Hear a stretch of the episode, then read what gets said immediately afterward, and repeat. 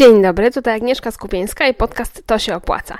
Jeżeli słuchasz e, mojego podcastu regularnie, to wiesz, że mamy tutaj miks różnych tematów. Posłuchasz m.in. o ciekawych pomysłach na biznes, to jest taka seria inspirujące biznesy.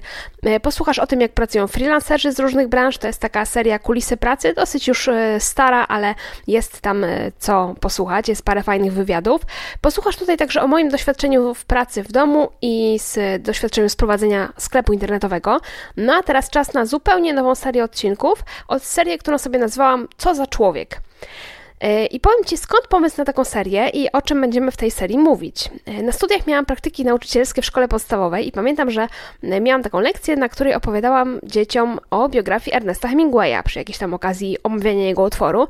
No i zawsze, kiedy mam, miałam do czynienia w szkole z referatami, wykoszałam referaty o czyimś życiu, a w liceum na lekcjach polskiego robiliśmy regularnie takie referaty właśnie o życiu znanych twórców i pisarzy, o których mówiliśmy, no to za każdym razem, jak miałam do czynienia właśnie z takim referatem i opowiadałam o czyimś życiu, to wybierałam jakieś ciekawostki. Takie ciekawostki, żeby znana postać mi się wydawała jakaś taka nieco bliższa, taka, e, no wiecie, ciekawsza, bardziej swojska, taka, no żeby ten człowiek był, e, że tak powiem, bardziej ludzki. No i do, do dzisiaj pamiętam, że Wtedy, kiedy opowiadałam o tym Erneście Hemingwayu na lekcjach w podstawówce, to dzieci siedziały z takimi wielkimi oczami, wpatrzone we mnie i z takim zainteresowaniem słuchały tego, co mam do powiedzenia. E, zwłaszcza kiedy opowiadałam o tym, jak e, Ernest Hemingway zakończył swoje życie, bo ze swojej strzelby się zastrzelił. E, no i powiem wam, powiem wam, że ja do dzisiaj lubię takie historie. Wszystkie historie o genialnych dzieciach, historie o niezwykłych wynalazkach, o ludziach, którym na przykład przez przypadek udało się coś odkryć, którzy wpadli na coś zupełnie zupełnie przypadkiem. E, lubię też takie historie, w których główny bohater dochodził do czegoś jakimiś małymi krokami, e, że e, na przykład nie poddawał się, osiągnął swój cel mimo jakichś przeciwności losu. Wszystkie takie historie właśnie bardzo, bardzo lubię i bardzo chętnie czytam czy słucham o takich historiach. No i e, kiedy poznałam podcasty kryminalne i zrozumiałam, jak zajmujące potrafi być słuchanie o prawdziwych historiach, e, to szukałam podcastów, w którym mogłabym posłuchać czegoś, e, no, że tak powiem, mniej makabrycznego niż true crime, chociaż lubię, ale czasami jest człowiek w takim nastroju, że nie ma ochoty się, nie ma się ochoty słuchać o morderstwach. Chciałoby się posłuchać czegoś bardziej pokrzepiającego, takich historii, jak ja to mówię, które przytulają. I e, ponieważ znalazłam sporo podcastów z wywiadami e, z przedsiębiorcami, ale nie znalazłam podcastów takich, w których byłyby właśnie historie o jakichś ciekawych ludziach, historie takie pokrzepiające, historie podnoszące na duchu, e, to pomyślałam sobie, że hmm, nie ma takich, takiego podcastu, ja chciałabym takiego podcastu posłuchać, no to może sama taki podcast po prostu będę nagrywać. No i tak się narodził pomysł na, now, na nową serię odcinków, w podcaście to się opłaca i tę serię będę nazywać Co za człowiek. Kto będzie bohaterem tej serii? W podcaście będę opowiadać historię ludzi inspirujących, ludzi z różnych stron świata, ludzi z różnych środowisk, e, ludzi, którzy są związani z rozmaitymi aktywnościami. Na pewno będą jacyś przedsiębiorcy ciekawi, będą twórcy, czyli muzycy, może pisarze, może jeszcze jacyś inni e, twórcy z innych dziedzin. E, pewnie będą jacyś wynalazcy, być może opowiem Wam jeszcze jakąś historię sportowca. Nie wiem, nie wykluczam tutaj nikogo. Na pewno pojawią się w tej serii sylwetki osób odważnych, osób wytrwałych, osób e, być może też takich, które nie były doceniane na początku swojej życiowej drogi albo e, na początku swojej kariery, albo w ogóle nie były doceniane za życia. Tak się czasami też przecież zdarza. Czasami pewnie będą to jacyś multipotencjaliści, jakieś osoby, które się zajmowały wieloma różnymi rzeczami w życiu Czasami będą to też typowe historie od zera do bohatera, czy też od zera do milionera, bo takie historie e, też bardzo lubię i zawsze mnie dobrze nastrajają. I generalnie właśnie o to mi w tym podcaście chodzi i w tych odcinkach. Chciałabym, żeby były to odcinki pozytywnie nastrajające do życia. Takie odcinki, które można sobie e, włączyć w jakiejś takiej trudnej chwili i jakoś tak się pocieszyć, że skoro innym się udało, to mi też się uda. Na pewno nie będą to wywiady, nie chcę, żeby to były wywiady, chcę, żeby to były po prostu opowiedziane historie nie usłyszymy bohaterów e, wypowiedzi, żadnych, żadnych wypowiedzi bohaterów e, tej serii. E, nie będzie tutaj właśnie wypowiedzi tych, tych, tych ciekawych ludzi. Dlatego, że w większości pewnie będą to osoby, których już z nami nie ma i nie mogą się wypowiedzieć. Mam już sporo pomysłów na to, kim będą bohaterowie tej serii, e, na e, właśnie e, konkretne biografie, konkretne postaci, ale jeżeli macie jakieś swoje podpowiedzi, macie jakichś swoich ulubionych bohaterów, może takich mniej znanych, może takich, o których świat nie słyszał, a waszym zdaniem warto usłyszeć, to wysyłajcie te propozycje na agamałpa to się opłaca.pl. Bardzo będę Wam wdzięczna za wszystkie podpowiedzi. No a dzisiaj przechodzimy do bohaterki pierwszej, e, naszej bohaterki, e, pierwszej bohaterki tej serii. Historia, którą dzisiaj usłyszycie, e, to jest typowa historia od zera do milionera, a raczej od zera do milionerki. To jest historia o tym, że można osiągnąć naprawdę wiele, jeżeli przychodzimy na świat, nawet jeżeli przychodzimy na świat w takim niesprzyjającym środowisku, w trudnych warunkach. To jest historia o tym, że determinacja, gotowość do ciężkiej pracy naprawdę się opłaca i nawet jeżeli świat będzie nam rzucał kłody pod nogi, to i tak można iść dalej, można osiągać swoje cele. I to jest historia Madame C.J. Walker, czyli e, tak naprawdę Sary Walker, która jako pierwsza afroamerykanka została milionerką. E, o tej historii nakręcono serial na Netflixie, jest do obejrzenia ten serial. Serial nosi tytuł Własnymi rękoma, historia Madame C.J. Walker. Ale to, to nie jest serial fabularny, tylko, e, znaczy to nie jest serial dokumentalny, tylko fabularny, więc postaram się opowiedzieć Wam tę historię e, Madame C.J. Walker, tak jak ona naprawdę wyglądała, a nie tak jak ją Netflix przedstawił, bo e, tam pewne zmiany zaszły. E, no więc, Sarah Breedlove, bo tak się naprawdę nazywała Madame C.J. Walker, przyszła na świat 23 e, grudnia 1867 roku w wielodzietnej rodzinie niewolników. E, jej rodzina pracowała na plantacji bawełny Roberta W. Barneya w Luizjanie. I Sara w tej wielodzietnej rodzinie jako pierwsze dziecko urodziła się wolna, dlatego że dwa lata przed jej urodzeniem w Stanach Zjednoczonych zniesiono niewolnictwo. W tej sytuacji jej rodzina była wolna i nie musiała już pracować na plantacji, nie musiała już pracować dla białego pana, jak to się mówiło, ale y, tak naprawdę w życiu Brydlowów niewiele się zmieniło, dlatego że oni i tak byli za biedni, żeby rozpocząć swoje życie poza plantacją, więc oni nadal na tej plantacji żyli i nadal tę bawełnę zbierali. O dzieciństwie Sary nie wiemy wiele, wiemy natomiast, że w wieku 7 lat została sierotą. Nie wiem dlaczego jej rodzice y, umarli, nie wiem czy oboje naraz, w każdym razie w wieku 7 lat już tych rodziców nie miała. I e, Wiadomo na pewno tyle, że dzieci, mm, dzieci Breedlove przez jakiś czas mieszkały na plantacji, czyli Sara i jej rodzeństwo, e, bo no, nie mieli się gdzie podziać. Jako pierwsi trzej starsi bracia Sary opuścili plantację, oni się udali do St. Louis w poszukiwaniu lepszego życia. E, tam się uczyli do zawodu fryzjera czy barbera, bo tutaj różne informacje. Otworzyli własny zakład i e, w tym St. Louis osiedli. E, natomiast siostra, e, siostra Sary, czyli Luwenia, zaopiekowała się swoją młodszą siostrą, wzięła dziewczynkę do siebie, no i Sara tak w ten sposób zamieszkała z, właśnie z Luwenią w Vicksburgu, Vicksburg, takie, taka miejscowość, z Luwenią i jej mężem, Jessim Powellem. Sara miała wówczas 10 lat i tutaj mm, nie było to niestety za, za dobre posunięcie dla niej, nie było to, nie był to dla niej szczęśliwy czas, dlatego że mąż siostry się nad nią znęcał. Sara oczywiście wtedy nie chodziła jeszcze do szkoły, nie chodziła do szkoły no bo też ze względu na sytuację E, finansową i warunki, jakie wtedy panowały. E, w każdym razie mieszkała z siostrą, e, mieszkała właśnie w tym domu z siostrą i jej mężem. Ten mąż był dla niej niezbyt miły, bił ją, znęcał się, a ona pracowała jako praczka i pomoc domowa. Oczywiście pracowała jako praczka u białych ludzi z okolicy, zamożnych jakichś państwa, no i tam obserwowała, jak wygląda życie zamożniejszych ludzi niż, niż oni sami, niż jej rodzina. E, w wieku 14 lat Sara stwierdziła, że nie wytrzyma już e, tego życia, które wiedzie w domu siostry, żeby wyrwać się z tego domu, wyszła za mąż, za Mosesa McWilliamsa. Był to bardzo, bardzo skromny ślub, nie było ich oczywiście stać y, na żadne wystawne przyjęcie. Znalazłam też taką informację, że nawet nie było ich stać na opłacenie aktu ślubu. No ale Sara wyszła za mąż za pana McWilliamsa i z nim zamieszkała w wieku 14 lat. W wieku 17 lat, czyli 6 czerwca 1885 roku, Sara urodziła córkę Leila i to było jej jedyne dziecko.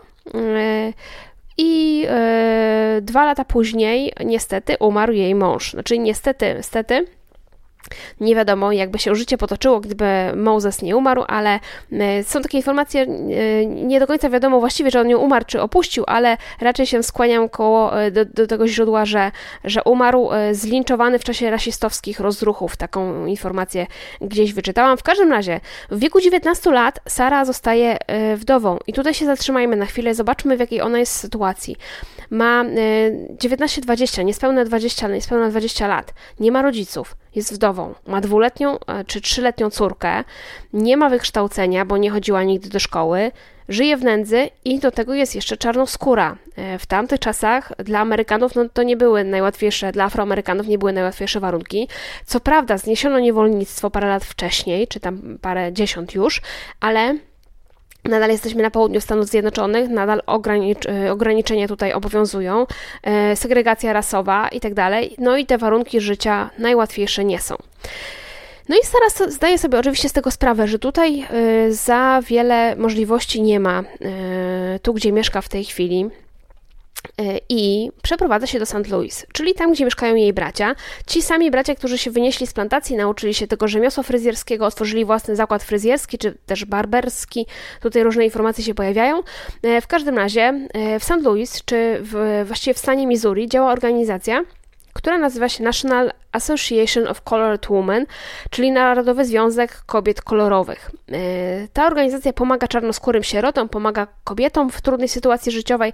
No i dzięki temu, że ta organizacja tam jest i dzięki temu, że e, Sara przeprowadza się do tego St. Louis, to tak, e, Laila, jej jedyna córka, trafia do szkoły, a Sara może się skupić na pracy. E, tutaj niektóre źródła jeszcze podają, że w St. Louis Sara po raz drugi wychodzi za mąż, e, ale znowu nie ma szczęścia, dlatego że jej mężem zostaje John Davis, o którym co prawda zbyt wiele nie wiemy, ale takie informacje też znalazłam, że on był alkoholikiem, bił żonę, więc po raz kolejny Sara trafia do domu, w którym jest przemoc, bo wcześniej, e, jak już wspomniałam, doświadczała tej przemocy jako nastolatka, dlatego że bił ją mąż jej siostry, czyli szwagier. Więc po raz kolejny najpierw szwagier, teraz drugi mąż, e, znowu ją bije, także znowu nie ma e, łatwego życia Sara. Ale to, że się przeprowadza do St. Louis, to jest taki moment zwrotny w jej życiu, dlatego że tutaj, w tym miasteczku, Miasteczko St. Louis było przyjazne czarnoskórej ludności. Było e, tutaj co, coraz więcej czarnoskórych zaczynało prowadzić własne firmy, niewielkie firmy. Zresztą no, ci jej bracia też otworzyli swój własny zakład fryzjerski. Tutaj e, ta społeczność afroamerykańska była coraz większa, coraz większe możliwości się przed nimi otwierały. Y, miasto było też bezpieczne, nie były tutaj jakichś y, zamieszek, w których by ginęliby czarnoskórzy mieszkańcy w walce y, o uznanie swoich praw. Także tutaj to było zdecydowanie dobre miejsce do, do zamieszkania. No i Sara się zatrudniła w tym salonie, który prowadziła jej rodzina. Pracowała tam oczywiście bardzo ciężko, kilkanaście godzin dziennie, myła włosy, myła brody, ale dzięki temu, że tak ciężko pracowała, mogła zapewnić sobie lepsze życie, mogła za własne mieszkanie w wreszcie mieć i zapewnić swojej córce edukację.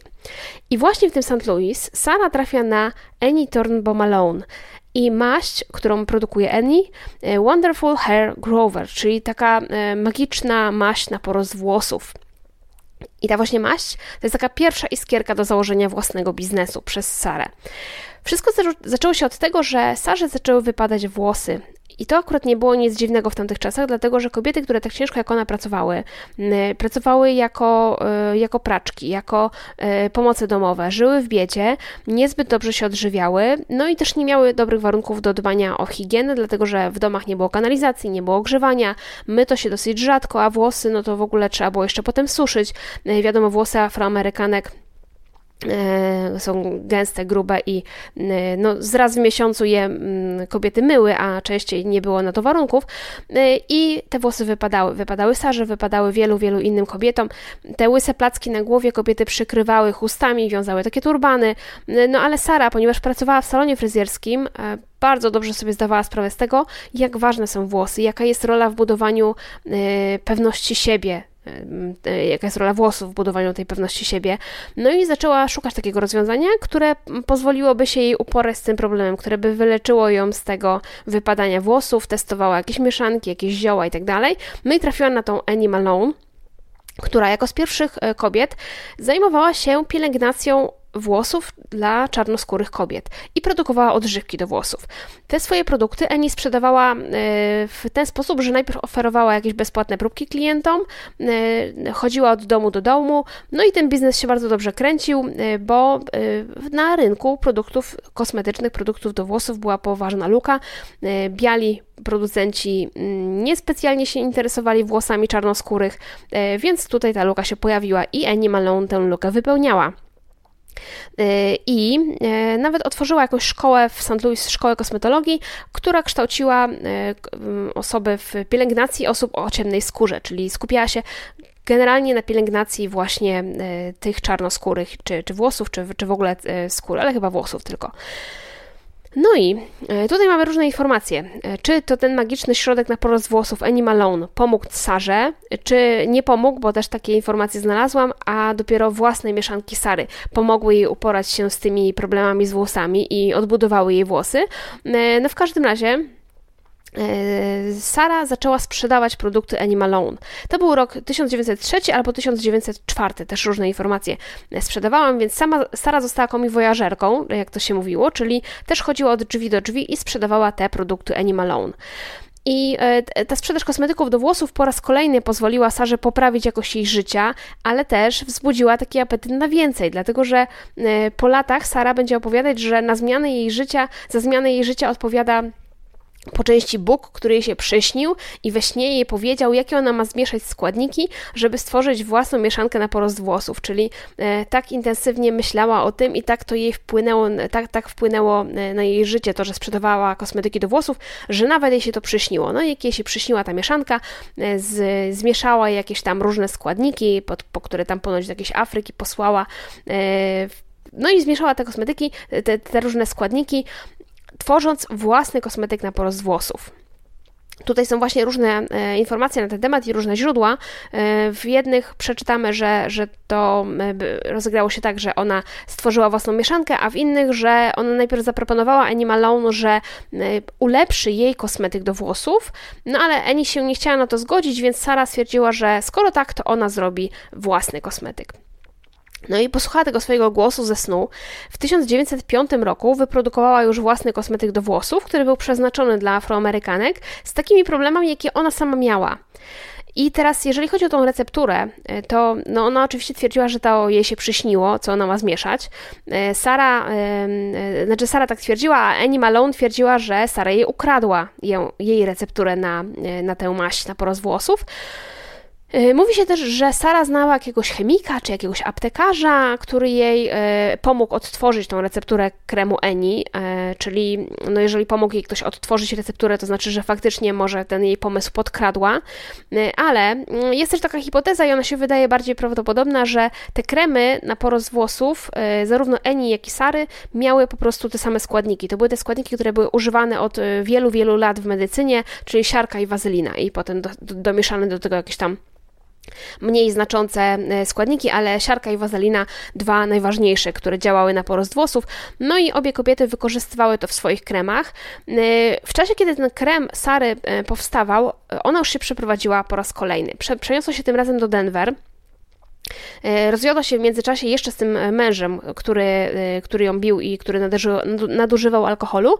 E, natomiast w tym St. Louis, w którym ona zaczynała, w którym się zatrudniła jako fryzjerka, w, której, w którym bracia prowadzili ten salon, już jej nic nie trzymało, dlatego że bracia zmarli, a jeszcze jej córka chodziła do szkoły w Tennessee. Więc w St. Louis nic jej nie trzymało i postanowiła przeprowadzić się do, do Denver. No i, a poza tym jeszcze też Sara najwyraźniej rozumiała, że jeżeli w St. Louis działa Animal Loan, no to ona, żeby rozkręcić swój biznes, i sprzedawać własne kosmetyki do włosów, nie może wchodzić na ten sam rynek, nie może działać również w St. Louis, musi znaleźć inne miejsce, przenieść się z daleka od tej swojej głównej konkurentki i działać tam, gdzie jest jeszcze nisza do, do zagospodarowania, gdzie kobiety nie mają kremów, yy, nie mają tych kosmetyków, gdzie będzie dużo klientek, które mają ten problem i potrzebują rozwiązania. No i właśnie idąc tym tropem przeprowadziła się do Denver w Denver e, i tutaj znowu różne informacje, czy poznała e, męża, czy wcześniej go znała w St. Louis, ale e, w Denver spotkała go ponownie, Charlesa Josepha Walkera i wzięła z nim ślub i po ślubie właśnie została panią Walker. I mówi się, że to właśnie Charles wymyślił, żeby te jej kosmetyki, cała linia kosmetyków była firmowana jako, obrędowana jako Madame CJ Walker, dlatego, że Charles był publicystą, był reporterem i on trochę się znał też na reklamie. I właśnie mówi się, że to on podpowiedział jej, żeby zaczęła się tytułować Madame, dlatego że ten tytuł Madame on miał nawiązywać do języka francuskiego, do kultury francuskiej, no bo Paryż wiadomo był centrum mody i urody, a poza tym określeniem Madame y, określało się kobiety, które mm, coś znaczyły, panie, które prowadziły własne firmy albo jakieś śpiewaczki operowe, no generalnie ważne persony. I tutaj chodziło o to, żeby właśnie e, oddzielić taką kreską grubą e, to, jak się zwracano do czarnoskórych w tamtym czasie. Rzadko czarnoskórych tytułowano panem czy panią, częściej ciocią albo wujkiem. I być może e, kojarzycie taką markę, e, markę ryżu, czy też sosów do ryżu Uncle Ben's. I tam na e, opakowaniu tego sosu jeszcze do niedawna, chyba teraz już nie, ale było, był taki wizerunek czarnoskórego mężczyzny. Właśnie dlatego, że mężczyzn czarnoskórych w tamtym czasie nazywano wujkiem. I tutaj Uncle Ben's, czyli wujek Ben, ryż wujka Bena. No i dlatego Madame przyjęła ten przydomek właśnie Madame, żeby nie być tą ciocią i żeby zyskać tego szacunku, żeby ten produkt też wydawał się trochę bardziej ekskluzywny.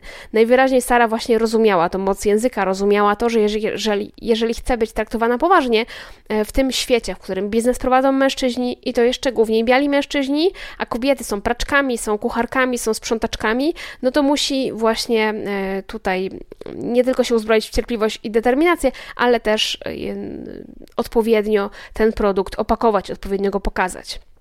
No i tutaj właśnie powstaje, powstaje marka kosmetyków do włosów Madame CJ Walker. Sara y, rozwijała swój biznes metodą małych kroków. Początkowo to był jeden krem na porost włosów, produkowany na jakąś taką niewielką skalę, sprzedawany przez nią samodzielnie, w ten sam sposób, w jaki swoje kremy sprzedawała e, wcześniej Eni, czyli poprzez sprzedaż bezpośrednią. Sara nauczyła się tego e, pracując u kogoś, a potem we własnym biznesie wykorzystała to, czego się nauczyła. I tutaj też się na chwilkę zatrzymamy, dlatego że warto powiedzieć nieco więcej o tym, jak Madame C.J. Walker mądrze podchodziła do marketingu swoich produktów, bo to jest niesamowite. Pamiętajmy, Pamiętajmy, że e, rzecz się dzieje w latach, e, na, na samym początku XX wieku, 1905 powiedzmy rok. E, I e, Madame C.J. Walker po pierwsze była żywym przykładem, że jej produkty działają, bo wiedziała przez co kobiety przechodzą, wiedziała jak wygląda ich higiena, jak wyglądają możliwości, znała swoją grupę docelową na wylot, chociaż w tamtych czasach oczywiście nie mieliśmy takich mądrych pojęć jak grupa docelowa, jak klient idealny i tak dalej, ale ona wiedziała jak ta grupa docelowa wygląda, z czym się mierzy, jakie ma obawy. Opowiadała klientkom swoją historię, pokazywała im efekt. I co wiedziały jej klientki? E, jej klientki, którymi były często ubogie kobiety, praczki, pomoce domowe, patrzyły na nią i widziały Sarę, widziały kobietę sukcesu, widziały Madame, Madame Walker, nie nawet nie Sarę, tylko Madame Walker, kobietę sukcesu, kobietę pewną siebie, kobietę, która z praczki i z mieszkanki mm, plantacji bawełny wyrosła na businesswoman która sprzedaje własny krem do włosów, niezależną finansowo, która prowadzi firmę. No kto nie chciał być, nie chciałby być taki jak ona? Ona sprzedawała właśnie taki e, styl życia i to, że kupisz moje produkty, będziesz taki, będziesz taka jak ja. To jest taki pierwszy krok do tego, do tego stylu życia. Więc ona sama była żywym przykładem, że jej produkty działają. Po drugie, znalazła niszę. E, kosmetyki do włosów dla afroamerykanek w wtedy te potrzeby afroamerykanek, jeżeli chodzi o kosmetyki do włosów y, i w ogóle kosmetyki były pomijane. Y, ona szybko pojęła, że, y, że tutaj jest nisza i jeszcze do tego, że nie ma sensu na tę niszę wchodzić tam, gdzie są kremy Animal Own i przeprowadziła się do innego miasta. Zaczęła sprzedaż w innym mieście, dlatego żeby na, w tym pierwszym trudnym etapie nie konkurować z Animal Own, tylko zacząć od zera zupełnie gdzie indziej, gdzie ta nisza jest jeszcze niezagospodarowana. No i po trzecie, Sara zaczęła budować sieć sprzedawczyń, które sprzedawały jej kosmetyki. Najpierw nauczyła się sprzedaży sama, potem dzieliła się wiedzą z innymi kobietami, również czarnoskórymi kobietami, które chodziły od drzwi do drzwi, sprzedawały produkty Madame C.J. Walker. W końcu otworzyła nawet otworzyła sieć y, szkół kosmetycznych w których to szkołach uczono kobiety, jak używać kosmetyków Madame, jak pielęgnować włosy osób o ciemnym kolorze skóry. No i mówi się, że tych konsultantek na całym świecie ona miała różne źródła podają od 15 do 20 tysięcy pod koniec działalności e, firmy Madame C.J. Walker nawet 20 tysięcy konsultantek. To jest ogromna, ogromna grupa e, to jest praca dla mnóstwa kobiet. Y, kobiet, które dzięki Madame, dzięki jej produktom mogły znacząco poprawić swoją sytuację materialną i które, y, nawet znalazłam taką informację, zarabiały w tydzień tyle, ile w innych miejscach czarnoskóra kobieta zarabiałaby w miesiąc. Więc to jest naprawdę duża rzecz, naprawdę bardzo duża rzecz. E, co jeszcze a propos marketingu? Madame promowała swój produkt jeżdżąc po Stanach. Znalazłam taką informację, że e, w miejscach, w których Madame się pojawiała, szukała najpierw jakiejś liderki, szukała kobiety, która cieszy się zaufaniem. Dzisiaj byśmy powiedzieli, że szukała ambasadorek albo nawet influencerek. E, szukała kobiet, które miały wpływ na inne kobiety. I najpierw przekonywała taką liderkę czy taką ambasadorkę przyszłą do współpracy. No i jeżeli kobiety, wiedziała, że jeżeli kobiety zaufają tej liderce społeczności, yy, znaczy już jej ufają, ale jeżeli tą liderkę społeczności przekona do współpracy, to potem inne kobiety za nią przyjdą, pójdą. Inne kobiety zaczną kupować te produkty, jeżeli będzie je kupować e, liderka. Więc no tutaj trochę można powiedzieć z influencer marketingu korzystała na początku XX wieku. E, co jeszcze? Jeszcze jeżdżąc po Stanach odwiedzała kościoły dla czarnoskórych, dlatego że w tych kościołach często działały właśnie takie lokalne aktywistki, lokalne liderki.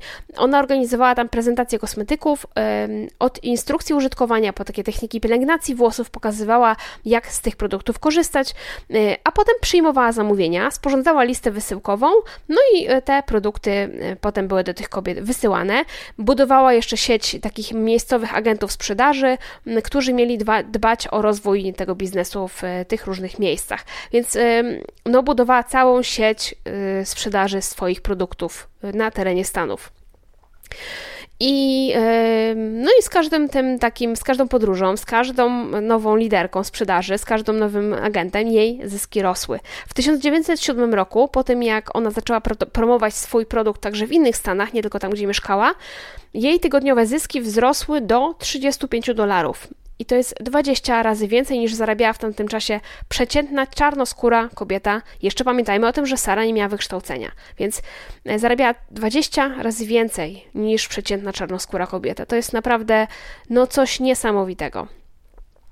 Kolejne etapy rozwoju tego biznesu Madame C.J. Walker były związane z kolejnymi przeprowadzkami, dlatego że tak, w 1908 roku yy, razem z panem Walkerem przeniosła się do Pittsburgha. I to jest yy, również E, takie rozwiązanie strategiczne. Te wszystkie jej kroki to nie były takie przypadkowe kroki. Pamiętacie, przeniosło się do St. Louis, dlatego że tam po pierwsze miasteczko było przyjazne e, czarnoskórym, a po drugie tam byli jej krewni, którzy mogli zapewnić jej dobry start. Potem się przeniosła do, e, do Denver, bo tam wiedziała, że nie ma jeszcze kremów i może startować ze swoją marką kremów. No a teraz się przeniosła do Pittsburgha. Dlaczego? Dlatego, że tutaj była rozwinięta sieć połączeń kolejowych. I dzięki temu można było nie, nie, tylko łatwiej podróżować, ale też łatwiej wysyłać produkty. Czyli właśnie jeździła po tych kościołach, mm, prowadziła te prezentacje, a potem robiła listy y, wysyłkowe i wysyłała produkty.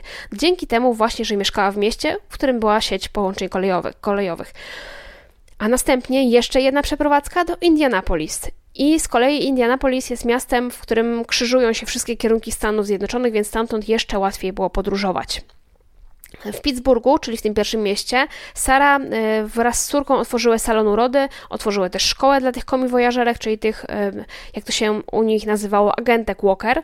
E, natomiast w tym Indianapolis po kolejnej przeprowadzce już miała własną fabrykę kosmetyków, zbudowała te centrum kultury, no i zatrudniała tych tysiąc komiwojażerek już na tym etapie. Dawała wtedy kobietom szansę tak naprawdę na lepsze życie. Uczyła je, oprócz tego, że uczyła pielęgnacji, uczyła dbania o włosy, to uczyła też mm, niezależności finansowej. Y, uczyła właśnie, jak być mm, niezależną, niezależną y, od męża, niezależną od w ogóle mężczyzn, jak zarabiać pieniądze i co z tymi pieniędzmi robić. I jeszcze oprócz tego była mecenaską kultury, organizowała koncerty, organizowała jakieś tam odczyty poezji i tak dalej, więc yy, nie tylko biznes, ale też rozwój kobiet na innych polach. Zarabiała dużo już wtedy, ale nie żyła rozrzutnie, dlatego że y, od początku właściwie dzieliła się tym, co miała z innymi. Działała charytatywnie, nawet stworzyła taką organizację która nazywała się e, po polsku mówiąc Stowarzyszenie Dobroczynne Madame C.J. Walker, e, bo w, którym, na którymś etapie życia po raz kolejny się przeprowadziła, tym razem do Nowego Jorku, no i wtedy zorganizowała taki zjazd wszystkich swoich przedstawicieli handlowych i na tym zjeździe każdy z e, tych pracowników, przedstawicieli handlowych miał przekazać jakąś donację na jej działalność. I w ten sposób Madame C.J. Walker, mówi się o niej, że była pierwszą kobietą w Ameryce, która wprowadziła korporacyjną odpowiedzialność odpowiedzialność społeczną do swojej firmy. To, co dzisiaj w dużych korporacjach jest standardem, ona zaczęła to wprowadzać u siebie już na początku XX wieku. E, oprócz tego, że działała charytatywnie, no to działała też na rzecz równouprawnienia Ameryka Afroamerykanów, e, wspierała finansowo organizacje działające na rzecz czarnoskórych, między innymi wpłaciła 5 tysięcy dolarów, co było wtedy absolutnie rekordową kwotą na rzecz tego stowarzyszenia e, kolorowych ludzi. Już nie będę mówić po angielsku, jak ono się nazywa, w każdym razie to jest to stowarzyszenie, które jej tam wcześniej E, pomogło i dzięki któremu jej córka miała, e, mogła iść do szkoły. E, oprócz tego jeszcze na przykład odwiedziła w 1917 roku Biały Dom razem z grupą innych czarnych, czarnoskórych przedsiębiorców, aktywistów. Odwiedziła Biały Dom dlatego, że chcieli przekonać Woodrowa Wilsona, E, do, do, do uznania linczów niezgodnych z prawem. Mm, e, można było wtedy mm, zgodnie z prawem federalnym e, zlinczować czarnoskórą, czarnoskórego mieszkańca Stanów Zjednoczonych. Prezydent odmówił im audiencji, także nic nie załatwili, ale działała na, na rzecz równouprawnienia Amerykanów przez Afroamerykanów przez całe swoje życie. E, I e, po latach Madame C.J. Walker w jednym z odczytów powiedziała, że swój biznes zaczynała z półtora dolara w kieszeni. Półtora dolara na starcie, a w 1916 roku, kiedy miała 49 lat, powiedziała reporterowi New York Timesa, że roczny dochód jej firmy to jest kwota sześciocyfrowa. Czyli to jest taka prawdziwa historia od zera do milionera, od półtora dolara do e, sześciocyfrowych dochodów firmy w zaledwie kilkadziesiąt lat. Ostatecznie chyba nie dorobiła się miliona dolarów na koncie, między innymi dlatego właśnie, że, że się dzieliła z innymi, że działała w, w jakichś takich różnych charyty, charytatywnych działalnościach, brała udział. Natomiast jej majątek w chwili śmierci szacowano na 600 tysięcy dolarów, co dzisiaj byłoby równowartością jakichś 9 milionów z kawałkiem. E, a zmarła dosyć młodo, dlatego że e, i, i w ogóle zmarła z powodu przypadłości, która e, dzisiaj zapewne nie, nie skazałaby ją na śmierć w tak młodym wieku, żyłaby jeszcze długie, długie lata, dlatego że w 1917 roku zaczęła odczuwać poważne problemy ze zdrowiem i okazało się, że ma nadciśnienie. I ona z tym nadciśnieniem trafiła do takiej kliniki medycznej w Michigan i lekarze jej powiedzieli, że tak. Jeżeli ona chce jeszcze trochę pożyć, to albo musi przestać pracować, albo musi pracować trochę mniej. No ale oczywiście Sara nie, nie wyobrażała sobie tego, żeby przestać pracować. Ona całe życie bardzo ciężko pracowała, całe życie poświęciła rozwojowi swojej firmy, no i e, nie posłuchała lekarzy. Tydzień później już przemawiała na jakiejś konferencji e, zorganizowanej właśnie przez to Stowarzyszenie na Rzecz Popierania Ludności Kolorowej. E, no i to jej niestety nie, mm, nie pomogło i nie przysłużyło się, dlatego że w 1919 roku, 25 maja, e, Sarah Walker zmarła na nadciśnienie e, i zmarła jako najbogatsza czarnoskóra kobieta w Stanach Zjednoczonych. Jej firmę odziedziczyła jej córka i po córce Leili firmę odziedziczyła jej z kolei córka, wprawdzie adoptowana córka, ale e, tutaj też po linii e, kobiety trafiały, e, ten biznes trafiał do rąk kobiet. Ta wnuczka Sary też przekazała biznes swojej córce. I po czwartym pokoleniu pań Walker z rodu Walker firma zakończyła działalność w lipcu 1981 roku. I jeszcze ciekawostka o życiu e, Madame jest taka, że ona została wpisana do Księgi Rekordów Guinnessa jako pierwsza kobieta, która e, samodzielnie dochodząc do swojego majątku została milionerką. E, mówi się jeszcze o niej, że jest pierwszą afroamerykańską milionerką, ale to jest nie do końca prawda, dlatego że w tamtych czasach prawdopodobnie mówi się, że byli inni e, czarnoskóry, czarnoskórzy przedsiębiorcy, którzy byli milionerami, ale mogli zatajać swoje majątki w obawie przed przemocą, w obawie przed reakcją białych, także e, raczej nie była pierwszą czarnoskórą milionerką, ale była pierwszą kobietą, która samodzielnie dochodząc do swojego majątku została milionerką. Pierwszą kobietą na świecie, nie pierwszą czarnoskórą, pierwszą kobietą na świecie, która samodzielnie doszła do miliona. Niesamowita historia i bardzo, bardzo, bardzo duża rzecz, moim zdaniem. E, ta historia Madame C.J. Walker jest na tyle interesująca, że, tak jak wspomniałam na początku, Netflix nakręcił miniserial pod tytułem Własnymi rękoma Historia Madame C.J. Walker.